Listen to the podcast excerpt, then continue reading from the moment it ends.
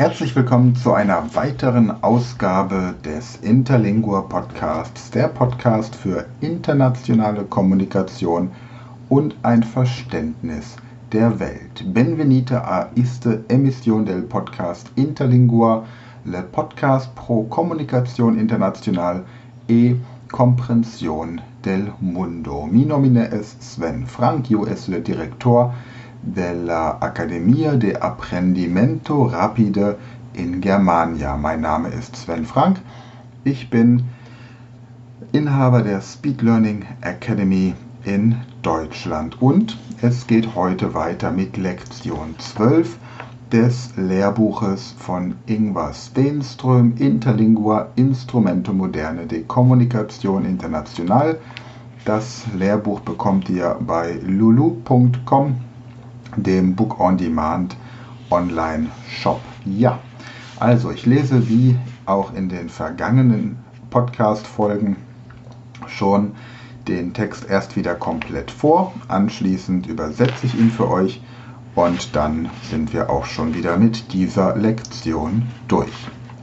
Lektion Deze Duo Deze Sekunde Lektion. Synopse del Formas Verbal. A cinque horas iste senora es un cantatrice. Illa ama cantar. Illa cantará a sex horas. Iste senora in le confortabile non ama le musica. A sex horas ille sufrerá quando illa audirá le cantatrice. A duo minutas ante sex illa va cantar a sex horas le signora canta e nostra amico in le confortabile ille suffre quando ille audi le canta del signora. A septe horas le signora ha cantate le signora ha suffrite ille ha audite le musica infernal. Ille dice a un altere signor inter sex horas e septe iste terribile femina cantava. O como io sufreva, io audiva sonus infernal, benque io probava coperir mi aures pelemanos pro non audia. Le altere senior respondeva iste femina es mi marita, vos ha sufrite un hora, io un vita. Iste cantatrice non est Birgit Nilsson, illa non facile homines sufrer. Imperativos canta plus forte, non suffra amico, audile tonus bellissime. Conditional, si on lo permitteva, illa cantarea sempre, io suffrerea constantemente e io audirea sin interruption su terribile voce. Ja, also, wie ihr auch an den Bildern sehen könnt, geht es hier um eine Dame, die gerne singt, eine sogenannte Sängerin, und ein Herr, der gerne in einem Sessel entspannt, einem sogenannten Couch Potato. Lektion Deze Duo, Lektion 12, Deze Sekunde Lektion, 12. Lektion. Synopse del Formas Verbal, Übersicht der Verbformen. A cinque horas, um 5 Uhr, ist Senora es un cantatrice. Diese Frau ist eine Sängerin. Illa ama cantar. Sie liebt es zu singen. Illa cantará a sex horas. Sie wird um 6 Uhr singen. Ist es Senor in le confortabile non ama le musica. Dieser Herr in dem Sessel liebt die Musik nicht. A sex horas ille sufrerà quando ille audirà le cantatrice. Um 6 Uhr wird er leiden, sobald er die Sängerin hören wird. A duo minutas ante sex, um zwei Minuten vor sechs. Ille va cantar, sie ist im Begriff zu singen.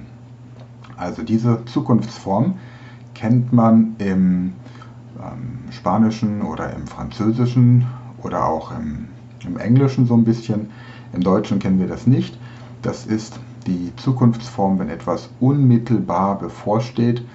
und möglicherweise noch zu vermeiden ist, aber ähm, vermutlich doch stattfinden wird. A sex horas um 6 Uhr, Le Signora canta, die Frau singt. E nostra amico in le confortabile und unser Freund im Sessel, Ille suffra, quando ille audi le cantar del Signora. Er leidet, als er da den Gesang der Frau hört. A septe horas um 7 Uhr, Le Signora ha cantate, die Frau hat gesungen. Le Signor ha soffrite, der Herr hat gelitten. Ille ha audite le musica infernal, er hat die höllische Musik gehört. Ille dice a un Signor, er sagt zu einem anderen Herrn, Inter sex horas e septe iste terribile femine cantava. Zwischen 6 Uhr und 7 sang diese furchtbare Frau.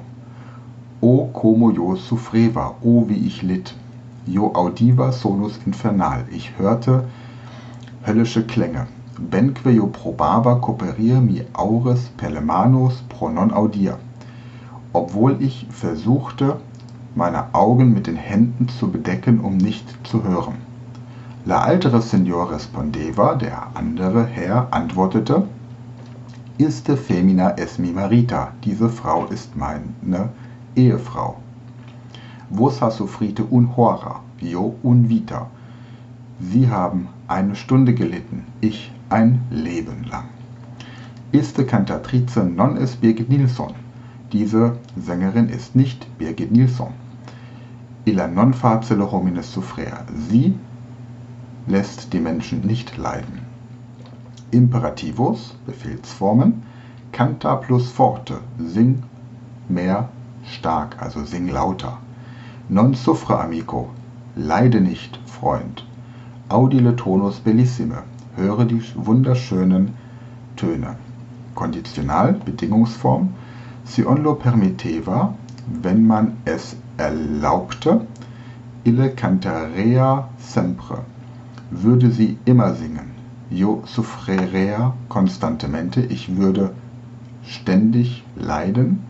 Io audirea sin interruption su terribile voce, und ich würde ohne Unterbrechung ihre schreckliche Stimme hören. Also, wir haben hier die verschiedensten Formen, wie man ein Verb in Interlingua verwenden kann. In der Grundform, also im Infinitiv, in der Gegenwartsform, im Präsens, in der ähm, Form des Perfekt, des Imperfekt, des Futur, also der Zukunftsform, des Imperativs, des Konditionals, der Bedingungsform und die ähm, einfache Zukunftsform. Die Erklärungen dazu findest du im Lehrbuch ab der Seite 93. Da findest du die Vokabeln dazu und eben noch weitere Explikationen, also Erklärungen, wobei das eigentlich auch alles sich selbst erklärt. Die Grammatik bei der internationalen Sprache Interlingua ist ja wirklich sehr einfach. Prima. Ähm, das war es erstmal für heute. Wenn du weitere Informationen möchtest, schau gerne auf die Seite interlingua.com. Dort findest du unter anderem auch Radio Interlingua. Ich werde im weiteren Verlauf dieser Podcast folgen, wenn wir auch zu den Interviews mit Interlingua-Sprechern kommen. Immer mal wieder auch kleine Auszüge aus diesen Emissionen von Radio Interlingua präsentieren. Und ansonsten findest du dort zahlreiche Literaturtipps. Du kannst dort die Zeitschrift Panorama abonnieren. Das ist immer sehr schön. Ja, und wenn du Interlingua in deinem Unternehmen implementieren möchtest oder ein intensives Einzelcoaching, um diese Sprache zu lernen haben möchtest, dann wende dich gerne an die Speed Learning Academy unter speedlearning.academy. Wir haben dort ein Kontaktformular auf der Startseite, kannst du direkt mit uns Kontakt aufnehmen. Und wenn du deine Website übersetzen lassen möchtest, auch dann melde dich einfach bei uns, dann machen wir dir ein Angebot dazu. Für heute erstmal vielen Dank, dass du dabei warst und bis zum nächsten Mal.